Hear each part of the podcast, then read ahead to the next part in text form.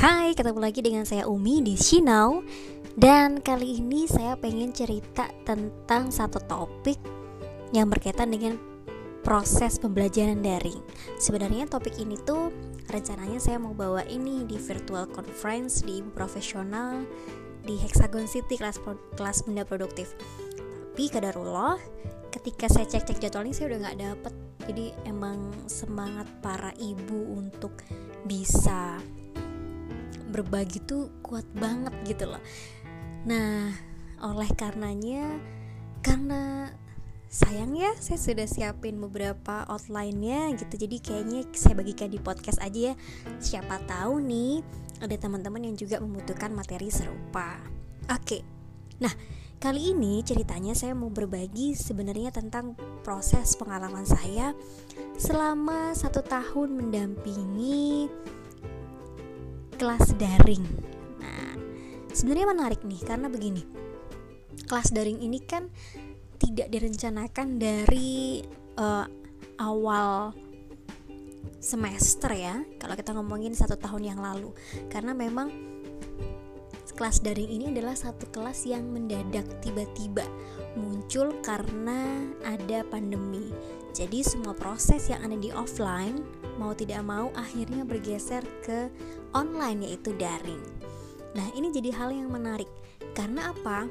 Karena hmm, ya serba mendadak gitu yang pertama. Yang kedua, kita harus merancang kembali gitu loh. Jadi kan kalau saya ini biasanya misalnya nih sudah satu semester nih dapat dapat mata kuliah ini yang harus saya saya eh, apa ampuh satu semester berikutnya maka biasanya sudah membuat rencana nih. Rencana kira-kira dari semua materi ini garis besarnya saya mau bikin apa aja ya mana ya tugas-tugas yang harus saya berikan project ke anak-anak mana yang tugasnya tugas biasa kapan saya harus memberikan formatif dan segala macam tapi ketika itu semua, semua berubah menjadi daring maka otomatis semua harus switch. Switch benar-benar switch uh, berganti lagi. Sementara kita dikejar dengan waktu gitu ya. Waktu yang uh, kita nggak bisa mundur lagi nih. Nggak ada nggak ada istilah yang ya udah deh kalau gitu uh, kita bisa nggak prosesnya satu bulan lagi kita siap-siap dulu deh kita belajar ini dulu deh. Enggak. Jadi ini memang bener-bener langsung terjun ke lapangan langsung menggunakan langsung memakai apa yang memang kita punya untuk bisa melakukan pembelajaran daring. Nah satu hal yang saya syukuri adalah begini. Saya ada di komunitas ibu profesional di mana proses pembelajaran daring ini sudah dilakukan sejak um, tahun-tahun sebelumnya. Jadi saya sudah mengenal nih mulai dari sekitar tahun 2012 ya ketika waktu itu sudah memakai apa namanya uh, webinar gitu ya. Kemudian setelah itu kita menggunakan platform WhatsApp akhirnya beralih ke Google Classroom gitu ya dan sekarang beralih ke Facebook Group gitu. Jadi alhamdulillah satu sisi sudah bersyukur, karena memang sudah punya gambaran oh ini nanti bakalan akan seperti ini tapi walaupun demikian itu tidak hal itu tidak serta merta menjadikan itu menjadi hal yang mudah gitu loh. Kenapa? Karena gini. Kalau kita ngomongin ibu profesional, maka dari awal itu baik uh, apa namanya member dan juga apa namanya uh, proses dalam profesional itu memang sudah mereka sudah memahami sama-sama bahwa ini adalah proses daring gitu loh. Jadi si membernya ini pun sudah siap dengan segala uh, tools yang ada dengan segala konsekuensi yang mereka miliki. Oh berarti saya harus luangkan waktu untuk untuk apa fokus pada daring, kemudian saya harus kondisikan anak-anak misalnya, kemudian saya harus uh, siapkan pulsa, saya harus siapkan tools ini dan itu untuk melancar mem memperlancar proses pembelajaran daring tersebut. Itu yang terjadi kalau kita ngomongin ibu profesional gitu ya.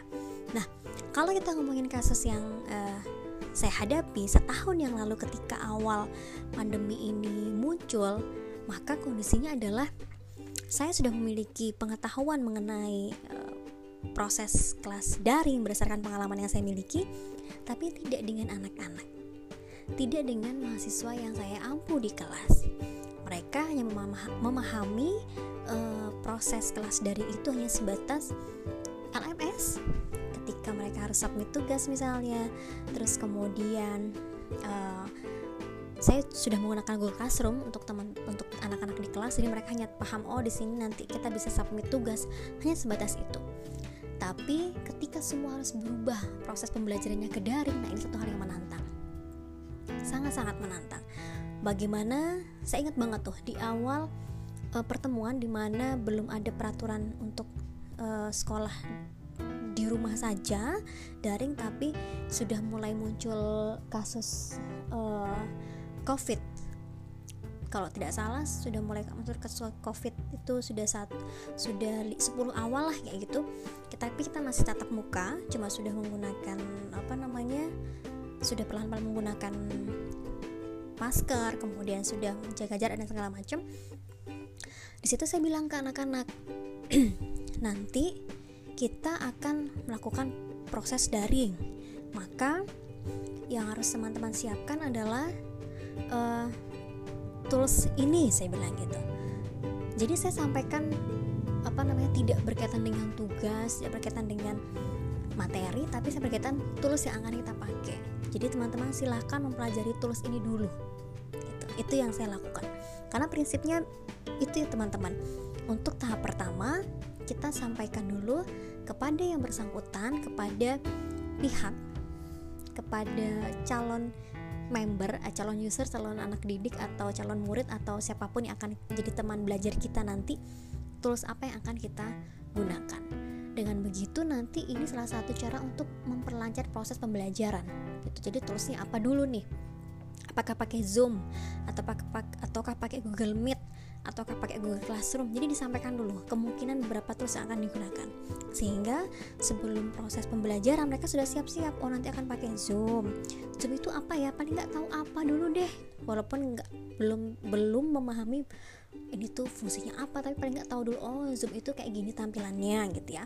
Karena sudah karena hal tersebut bisa dicari lah melalui uh, internet ya lewat googling lah gitu bisa dicari apa sih zoom sebenarnya apa sih google meet sebenarnya apa sih Google Classroom sebenarnya gitu ya. Itu yang pertama. Jadi sebelum akhirnya masuk ke materi maka sih benar-benar pastikan mereka uh, memahami tools apa yang akan kita gunakan nanti. Itu dulu. Tools apa yang akan kita gunakan nanti supaya apa? Supaya kita punya persepsi yang sama sehingga nanti mereka juga bisa tidak kaget yang pertama kemudian bisa cari tahu dulu toolsnya apa. Karena kalau sudah paham toolsnya nanti insya Allah prosesnya akan lebih mudah. Gitu. Itu langkah pertama yang saya lakukan ketika awal-awal berita pandemi yang akhirnya harus merubah kita switch dari offline menuju online. Nah, langkah kedua, ketiga, dan seterusnya akan saya ceritakan selanjutnya di podcast berikutnya. Ya karena saya sengaja bikin podcast podcastnya singkat-singkat aja ya durasi sekitar 8 sampai 10 menit. Supaya teman-teman bisa sambil dengerin sambil melakukan hal-hal yang memang sedang dilakukan sekarang. Oke sepantangin terus bagian kedua tiga dan seterusnya. Terima kasih banyak. Sampai ketemu lagi di Shinau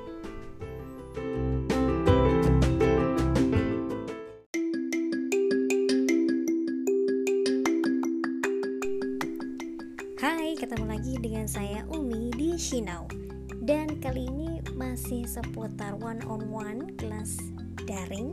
Jadi bagaimana sih berubahnya switch dari offline ke online ya? Jadi saya mau cerita tentang pengalaman selama pandemi ini ya. So, kalau di sebelumnya teman-teman sudah menyimak tentang tips yang pertama yaitu ajak anak-anak memahami tulisnya dulu ya, itu sebagai langkah awalnya. Karena ini hal yang baru bagi kita jadi kita ajak dulu pahami terusnya ini tuh seperti kayak orientasi gitu loh. Kalau ke kampus kan ini loh ruangan lab ini loh ruangan apa namanya e, kantin misalnya. Nah ini juga memahami itu. Ini loh toolsnya. Ini loh namanya zoom ini namanya google classroom kurang lebih seperti itu. Nah kemudian yang berikutnya adalah setelah kalau dulu waktu awal-awal saya masih ingat sih setahun kemarin itu saya masih coba sambil meraba-raba ya karena memang tidak ada panduannya sama sekali ini akan seperti apa dan akan bagaimana gitu. Jadi kita benar-benar meraba-raba harus bagaimana gitu untuk menjalankan kelas daring ini. Tapi mulai semester uh, berikutnya tepatnya di pertengahan di akhir pertengahan akhir tahun 2020 lah kan sudah mulai bisa memetakan ya oh ternyata seperti ini nih kondisi daring itu. Akhirnya langkah berikutnya yang saya lakukan adalah dan ternyata ini penting banget adalah mengenali karakter anak-anak walaupun tidak secara detail tapi waktu itu saya ingat banget saya lakukan survei ke mereka. Saya tanya begini teman-teman saya pengen tahu dong gaya belajar teman-teman gitu. Misalnya berapa orang sih yang gaya belajarnya audio kemudian visual dan kinestetik? Sesimpel itu dulu. Tujuannya apa? Karena gini ketika kita melakukan secara offline kita tuh bisa mengoptimalkan semua panca indera kita sehingga bagi teman-teman yang audio, visual, kinestetik itu tuh bisa bisa terakomodasi semua gitu loh mereka bisa diskusi, mereka bisa ada activity, mereka bisa presentasi, mereka bisa melakukan banyak hal. Tapi ketika ini dilakukan eh, secara daring, maka bagaimana caranya supaya ini itu bisa juga dirasakan oleh mereka sehingga waktu itu saya survei kecil-kecilan aja ke teman-teman semuanya ke anak-anak. Siapa yang audio? Siapa yang uh, kemudian visual? Siapa yang kemudian kinestetik gitu? Nah ini saya survei yang pertama. Ini karakter dari gaya belajarnya. Yang kedua saya survei juga bagaimana cara mereka kan sudah ada pengalaman tuh sebelumnya ketika uh, kelas dari semester sebelumnya ya yang kelas dari dadakan itu akhirnya di semester baru saya tanya tuh ke mereka teman-teman pengalaman sebelumnya seperti apa sih? Gitu. Uh, menggunakan kelas daring apa kendalanya? Apa tantangannya? Apa yang bikin seru? Gitu. Akhirnya dari situ saya kumpulkan data-data yang memang mendukung.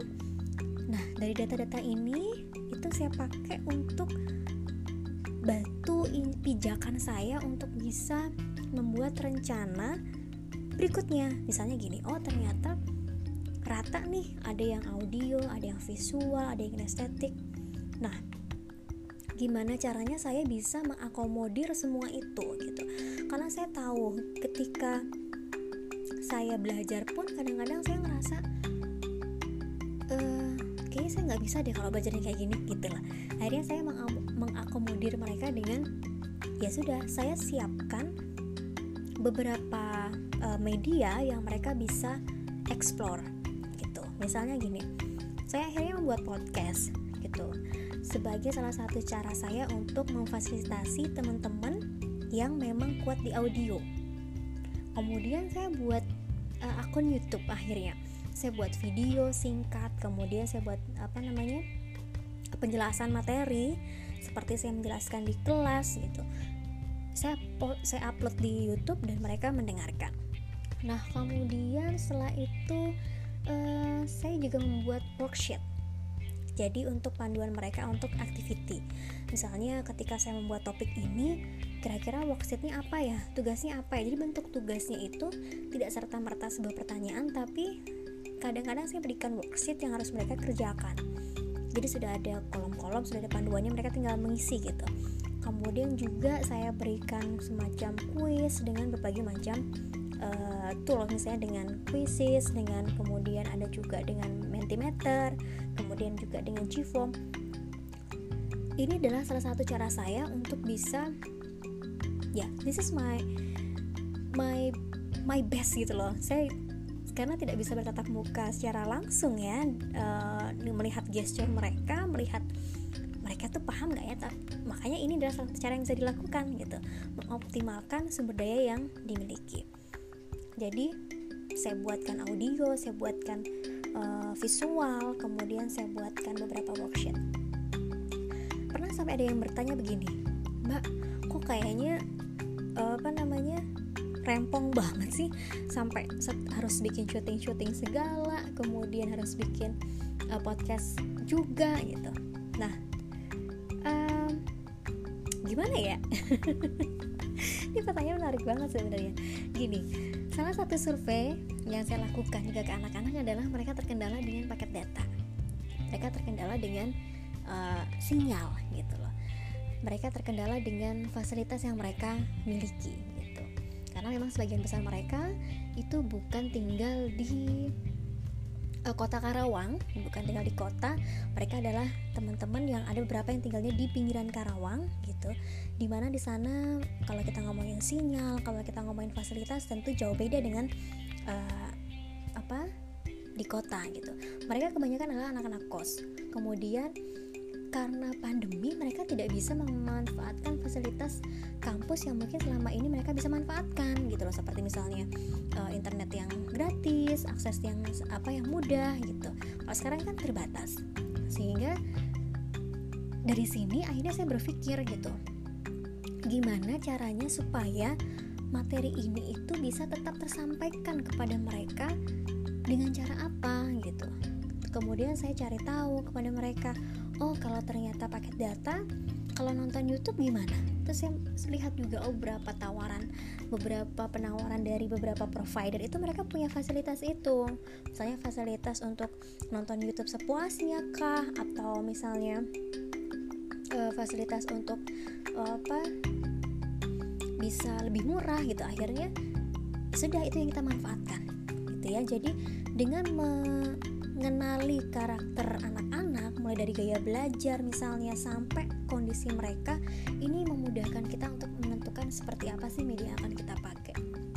Kenapa saya bersedia untuk bikin sedikit rempong gitu ya?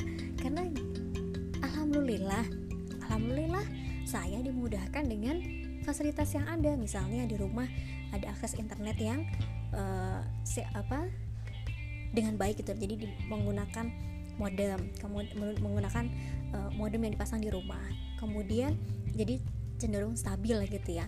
Kemudian ada fasilitas berupa gadget yang bisa dioptimalkan. Jadi saya punya fasilitas yang lebih dibandingkan eh, anak-anak uh, saya. Ya kenapa tidak saya manfaatkan gitu untuk mempermudah proses pembelajaran kita. Toh ketika mereka memahami materi tersebut kan saya juga yang senang gitu ya. Daripada saya tidak memanfaatkan ini kemudian saya ngomel-ngomel kok lu nggak paham-paham sih? misalnya gitu. Ya sudah kita optimalkan apa yang kita bisa. Jadi saya buatkan audio saya buatkan visual saya buatkan worksheet tentunya ini beragam ya artinya tidak tidak semua kita oh kalau materi satu tuh ada audionya ada visualnya juga gitu. Wah itu juga juga berat juga ya karena saya juga harus hitung-hitung waktu yang harus saya uh, lakukan untuk membuat itu semua gitu. Jadi memang uh, itu kita kita bagi-bagi nah pun ketika membuat video itu tuh saya juga belajar akhirnya begini kalau sebelumnya saya bikin video itu full misalnya satu materi itu kita pelajari misalnya ada sekitar uh, satu topik lah itu kurang lebih ada 10 sampai 11 slide lah gitu yang harus kita yang harus kita jelaskan kepada anak-anak. Nah, strategi yang saya lakukan adalah saya tidak langsung menjelaskan sebelas-belasnya dalam satu video. Jadi video yang saya buat itu durasinya adalah durasi pendek-pendek. Saya pernah membuat video yang panjang waktu waktu di awal ketika masih meraba-raba ini kayaknya mau gimana gitu ya. Saya membuat video yang durasinya panjang. Terus ketika selesai dibuat, saya mikir, kok gue aja bosan ya nontonnya 20 menit gitu 20 menit nonton ini itu capek loh gitu akhirnya mulai semester berikutnya saya pecah jadi beberapa video gitu. Rekamnya sekali sih nggak apa-apa tapi saya pecah. Jadi beberapa video yang durasinya pendek-pendek. Mungkin sekitar 5 menit. Paling maksimal itu 10 menit ya. 5 sampai 10 menit. Kenapa? Karena itu adalah menurut saya konsentrasi yang uh, aman gitu untuk kita nonton video. Kayak seperti uh, kalau kita nonton di Instagram itu kan rata di kalau di IGTV itu kan satu menit sampai tiga menit ya. Itu durasi yang cukup. Kalau udah kelamaan kan rasanya jenuh. Sehingga itu pun saya buat 5 menit per 5 menit saya buat per 5 menit gitu. Akhirnya banyak dong. Iya memang banyak gitu. Tapi ya itu lebih memudahkan dibandingkan dan lebih memudahkan dan lebih mudah pesan tersampaikan dibandingkan kalau videonya utuh 20 menit. Itu rasanya akan sangat menjenuhkan gitu loh melihat saya dengan slide-nya gitu. Ini apa muka saya 20 menit gitu kan rasanya bosen ya gitu itu anggapan saya sih tapi nggak tahu kalau anak-anak ternyata happy happy aja gitu nah tapi itu yang saya lakukan nah kemudian dari situ pun nanti akhirnya kita bisa membangun dinamika. Nah, dinamika seperti apa? Kita akan bahas di segmen selanjutnya. So, terus pantengin channel tentang kuliah daring one on one. Semoga bermanfaat.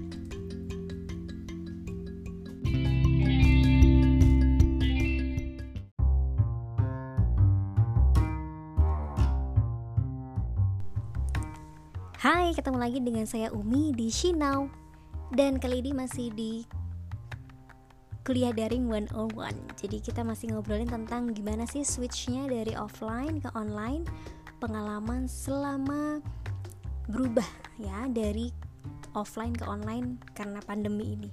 Oke, di segmen 1 dan 2 sudah saya ceritakan nih mengenai uh, beberapa hal yakni kita ajak anak-anak untuk kenal toolsnya toolsnya dulu kemudian berikutnya mengenali karakter anak ya.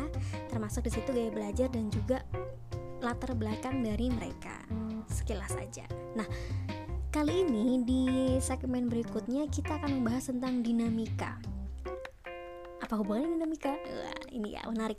Jadi gini ketika kita melakukan pembelajaran uh, offline kita tuh bisa membuat dinamika di kelas gitu.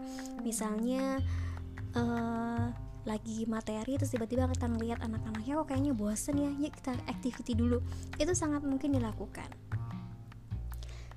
Jadi kelas itu benar-benar hidup dan kemudian kelas itu bisa uh, apa namanya dinikmati gitu ya oleh anak-anak.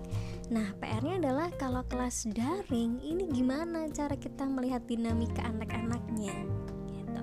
Apalagi tadi dengan latar belakang yang berbeda-beda. Ya. Jadi bagaimana caranya gitu. Karena akhirnya ketika latar belakang mereka berbeda-beda, kondisi mereka berbeda-beda, saya pun akhirnya menentukan media yang media yang berbeda-beda di setiap uh, pertemuan. Jadi hampir setiap pertemuan itu saya punya media yang tidak sama kalaupun sama katakanlah YouTube atau audio gitu ya, tapi kita postingnya itu ada urutan yang berbeda gitu ya. Nah belajar dari sebelumnya ketika saya posting 20 menit terus akhirnya saya aja bosan ngelihatnya gitu kan gimana anak-anak gitu. Akhirnya saya mencoba membuat sebuah dinamika. Bagaimana caranya supaya anak-anak bisa menikmati kelas yang uh, kita lalui sama-sama. Nah, kenapa saya membuat sebuah dinamika ini? Karena begini, uh, berbeda dengan kelas daring lainnya yang mungkin self pace, yang mereka bisa menyelesaikan kapan saja, di mana saja, kemudian uh, apa namanya progresnya mereka tentukan sendiri. Kalau di kelas daring ini, karena ini adalah di bawah naungan sebuah lembaga gitu ya maka ada ketentuan-ketentuan yang harus disepakati. Misalnya daftar hadir. Mereka harus hadir di jadwal yang sudah ditentukan. Jadi seperti jadwal offline sebenarnya misalnya di hari Senin jam sekian itu jadwal kelas dari A. Jam sekian tuh kelas B jam sekian tuh kelas C. Sama seperti uh, offline. Jadi tidak tidak apa namanya tidak self pace yang buka aja link ini kemudian kamu pelajari yang penting kamu paham. Sudah itu enggak.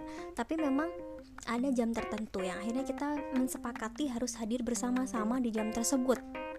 Ya sehingga inilah kita memerlukan sebuah dinamika.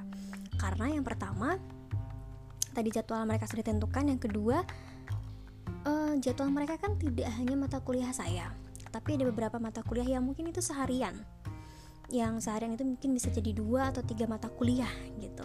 Nah kemudian saya juga tidak bisa me mengontrol atau saya juga nggak tahu metode apa yang dipakai oleh uh, pengajar yang lain gitu. Sehingga saya tuh tidak bisa kontrol itu gitu. Yang bisa saya lakukan adalah ya bagaimana ketika sesi saya mereka benar-benar hadir dan menikmati. Oke, nah sehingga tadi kita bangun sebuah dinamika. Terus berikutnya adalah akhirnya ini nyambung ke uh, yang berikutnya kita menggunakan berbagai macam media ketika kita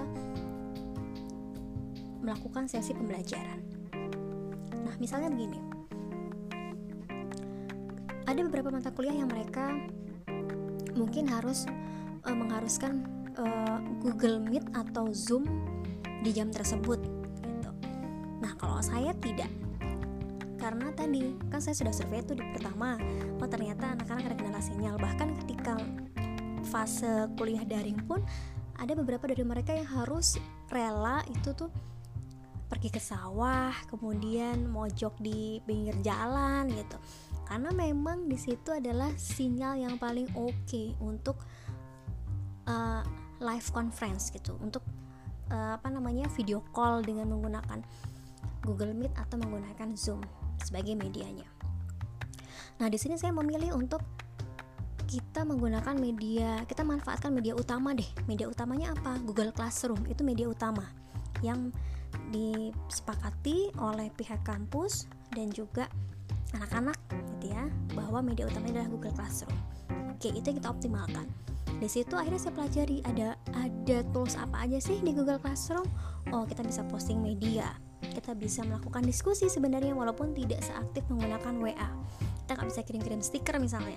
Tapi kita masih bisa kirim icon kita masih bisa diskusi. Nah itu yang akhirnya saya optimalkan. Kemudian uh, kita menggunakan activity gitu ya. Kita menggunakan activity. Seperti misalnya bisa nggak sih diskusi? Oh bisa kok kita diskusi bisa. Diskusi langsung bisa nggak? Oh bisa. Kerja kelompok bisa nggak? Oh bisa gitu. Itu kita lakukan. Jadi Google Classroom dulu deh. Di Google Classroom itu akhirnya saya gunakan uh, posting materi itu dengan video pendek-pendek. Kalau saya menggunakan video atau audio yang pendek-pendek kalau saya menggunakan audio. Tapi tidak selalu saya menggunakan video tidak selalu saya menggunakan audio ya jadi berbeda-beda. Ada satu pertemuan yang saya menggunakan video dan audio. Ada pertemuan lain yang saya hanya menggunakan audio saja. Ada pertemuan lain yang saya hanya menggunakan video saja. Ada pertemuan lain yang saya menggunakan chat. Jadi hanya menggunakan kalimat-kalimat saja. Kemudian saya posting materi dalam bentuk gambar. Itu pun secara tidak langsung 10 gambar uh, slide gitu tidak. Tapi bertahap juga satu gambar dulu dua gambar dulu kemudian dari situ kita akan diskusi di komen gitu ya di komen kita diskusi kemudian nanti uh, beberapa menit kemudian lagi saya posting lagi begitu seterusnya. Kenapa? Supaya anak-anak itu bisa hadir di jam yang disepakati. Karena kalau misalnya saya hanya satu kali posting ini materi kita ya hari ini. Satu PDF yang sudah dibendel e, 20 halaman misalnya atau video yang tadi durasinya 20 menit saya tidak bisa e, mengontrol apakah anak-anak itu hadir langsung melihat videonya ataukah mereka langsung membaca materinya dan kemudian membuat apa dan kemudian menanyakan hal-hal yang mereka tidak mengerti. Itu saya tidak tahu. Ya saya tidak tahu gitu. Nah untuk memastikan mereka hadir cara saya mengontrol adalah tadi itu. Dengan membuat sebuah dinamika jadi si materi itu saya postingnya bertahap materinya satu slide dulu kemudian kita diskusi satu slide lagi kita diskusi satu slide lagi kita diskusi sampai di jam yang disepakati itu selesai.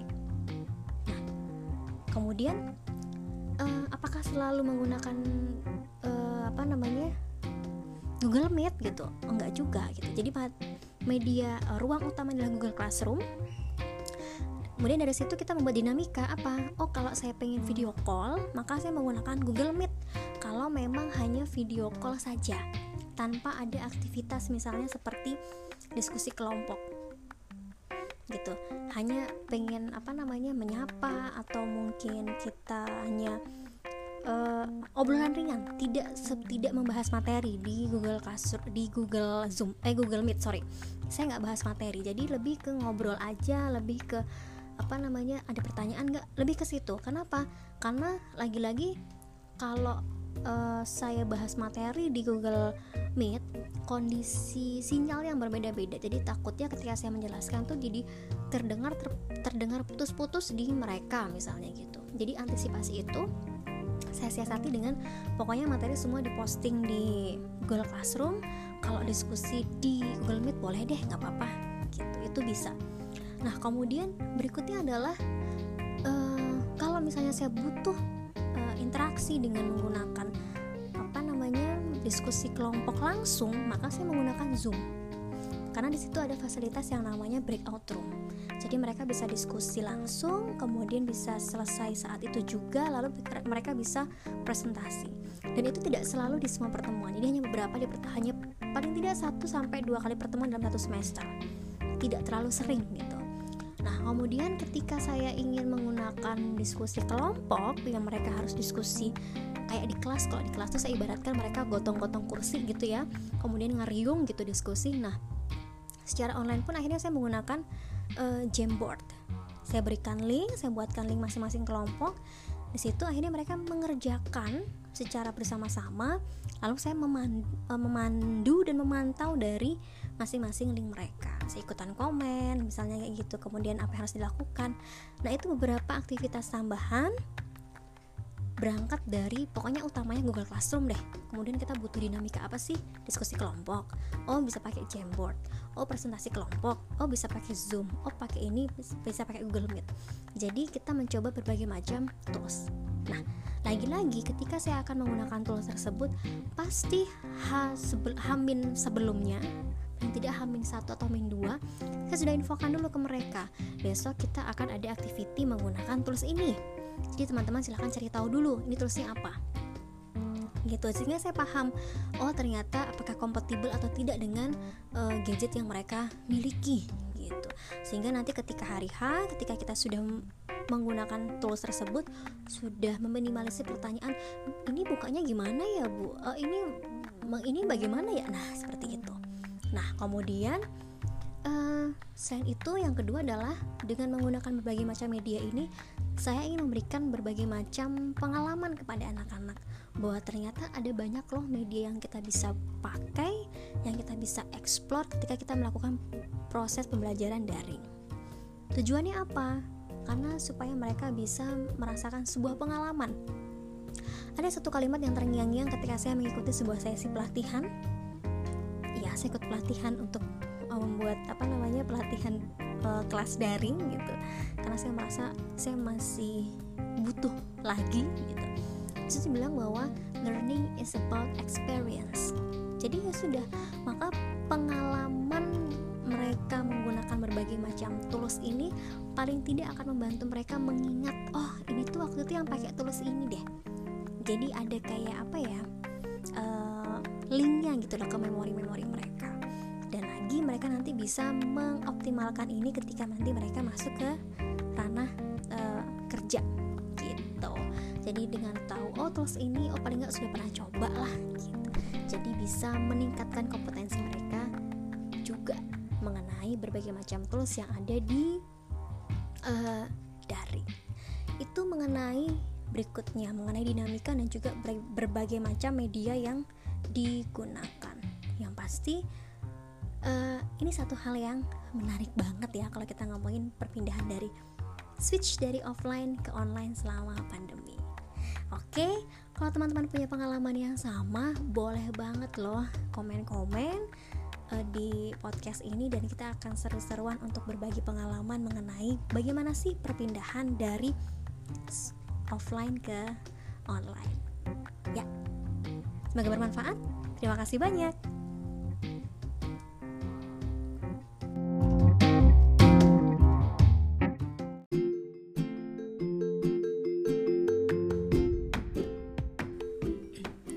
Hai, ketemu lagi dengan saya Umi di Shinau dan kali ini masih di kuliah daring 101. Nah, ini sesi terakhir nih dari segmen terakhir dari episode kuliah daring one on one di sini saya mau kasih salah satu tips. Jadi setelah kemarin teman-teman mendengar berbagai macam segmen mengenai bagaimana sih switch dari offline ke online, kemudian bagaimana tantangannya, kemudian bagaimana saya membuat sebuah dinamika dalam kelas online. Nah, kalau tips dari saya yang terakhir ini adalah never stop learning. Udah itu aja. Jadi karena begini, uh, kita sama-sama menyadari bahwa proses kelas daring ini bukan satu hal yang uh, mudah tapi tidak tidak mungkin juga kita membuatnya menjadi satu hal yang menarik gitu ya.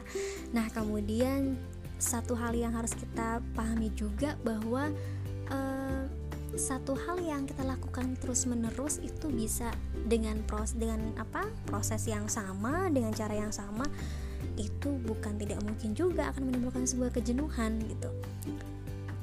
Belajar ngaca deh belajar dari diri sendiri ngaca gitu. Kadang-kadang kita uh, apa namanya menghadiri rapat online seharian gitu dengan uh, istilahnya sekarang zoom meeting seharian aja udah rasanya capek banget gitu. Ada lelah yang kita rasakan walaupun itu sebenarnya tidak walaupun kita hanya duduk aja mungkin di rumah tapi rasanya memang uh, lelah gitu ya dan itu pun juga saya rasakan gitu. Ada satu titik yang saya merasa saya merasa sangat uh, apa namanya uh, lelah gitu dengan proses daring yang panjang yang kita belum tahu juga ini sampai kapan gitu. Maka yang saya lakukan adalah memang never stop learning. Learning apa? Belajar dari proses perkuliahan sebelumnya oh ternyata anak-anak seperti ini bahkan saya pun tidak segan-segan meminta feedback dari mereka apakah ini oke okay, apakah tidak oke okay. kalau mereka bilang nggak oke okay, oke okay, kita akan cari cara yang lainnya lagi gitu. kemudian saya juga berguru jadi teman-teman juga uh, saya sudah cerita di awal tadi ya saya ada di komunitas ibu profesional di mana di situ pembelajaran daring itu sudah sudah menjadi satu hal yang memang sehari-hari banget gitu dengan berbagai macam metode tapi saya juga berguru saya juga belajar pada uh, berbagai macam komunitas gitu. Misalnya bagaimana saya belajar bagaimana cara membuat uh, apa sebuah pelatihan yang berdampak. Misalnya saya juga belajar jadi bagaimana menjadi seorang coach. Uh, kemudian saya belajar bagaimana sih optimasi berbagai macam tools gitu.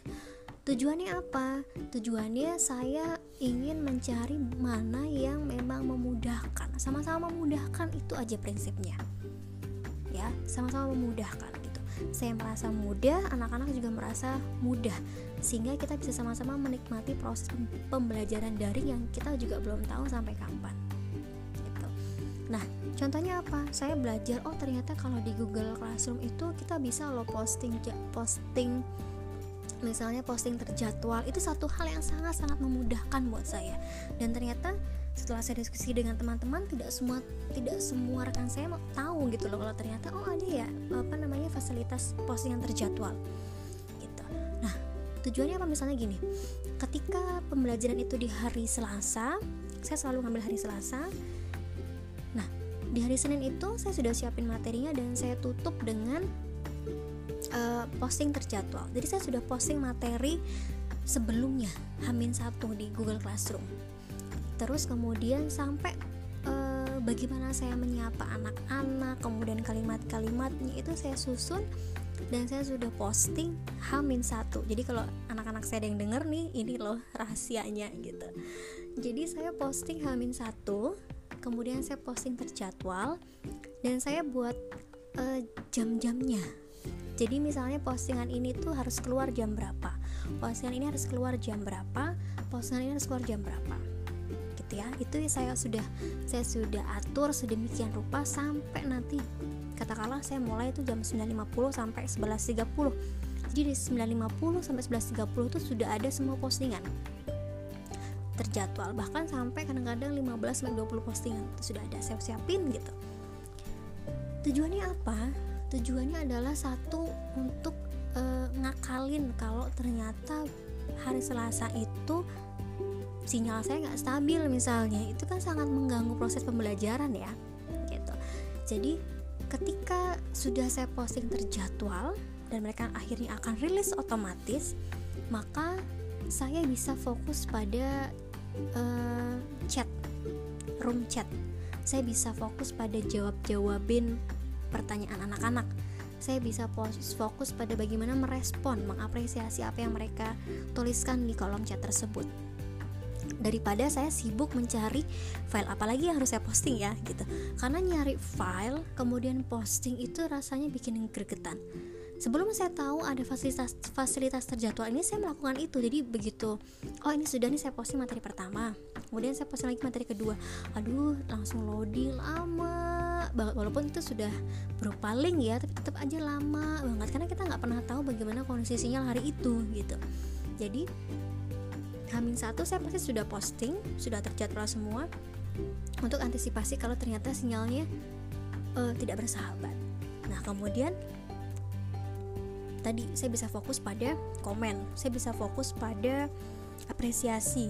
Kemudian uh, apa namanya saya juga bisa fokus pada hal-hal yang uh, sederhana gitu. Misalnya seperti uh, saya tidak perlu menghadapi laptop gitu saya cukup bisa menggunakan uh, gadget karena memang sudah ada semua di situ sudah terjadwal. Jadi saya tinggal memantau dari gadget dan itu sangat memudahkan jadi tidak harus duduk uh, bahkan sambil saya nyapu gitu saya bisa oh anak-anak udah mulai posting nih gitu karena bagaimanapun ketika uh, judulnya sih kerja dari rumah ya tapi tetap aja ada hal-hal yang memang kita tidak bisa uh, apa namanya uh, lepas gitu apalagi kita sebagai perempuan gitu. jadi dengan tetap bisa memantau kelas saya bisa melakukan hal-hal yang lainnya tanpa harus duduk gitu. Itu yang satu hal yang saya lakukan. Jadi bukan ini bukan cheating ya tapi it's part of strategy gitu. Sih ya ngomongnya keren banget. Itu yang saya lakukan. Jadi memang uh, saya meluangkan waktu untuk mempelajari untuk belajar berbagai macam tools berbagai macam media kemudian uh, apa namanya uh, berbagai macam proses pembelajaran. Tujuannya itu tadi untuk sama-sama memudahkan mbak bikin video ribet nggak sih? Hmm, enggak. Gitu. enggak. Awalnya saya pikir awalnya saya pikir ini satu hal yang sangat menyusahkan gitu ribet. Karena waduh gimana ya kamera dan segala macam. Tapi ternyata kalau kita ngomongin uh, video kita bisa pakai zoom di situ kita record kita download selesai. Gitu. Uh, tidak terlalu kalau saya lihat-lihat sih kualitas video saya juga tidak terlalu jelek dan nggak terlalu bagus amat sih nggak seperti para vlogger para youtuber ya. Tapi paling tidak cukup lah gitu lah cukup lah untuk bisa uh, membantu proses pembelajaran gitu. Kemudian uh, tapi sekarang berjalan juga saya akhirnya menginstal beberapa aplikasi ya gitu.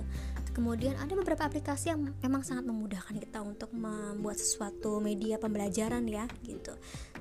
Jadi itu tadi never stop learning. Karena bagaimanapun prinsipnya adalah saya harus bahagia dulu untuk bikin anak-anak bahagia. Kalau saya udah merasa jenuh maka uh, saya nggak tahu deh anak-anak bakal seperti apa gitu.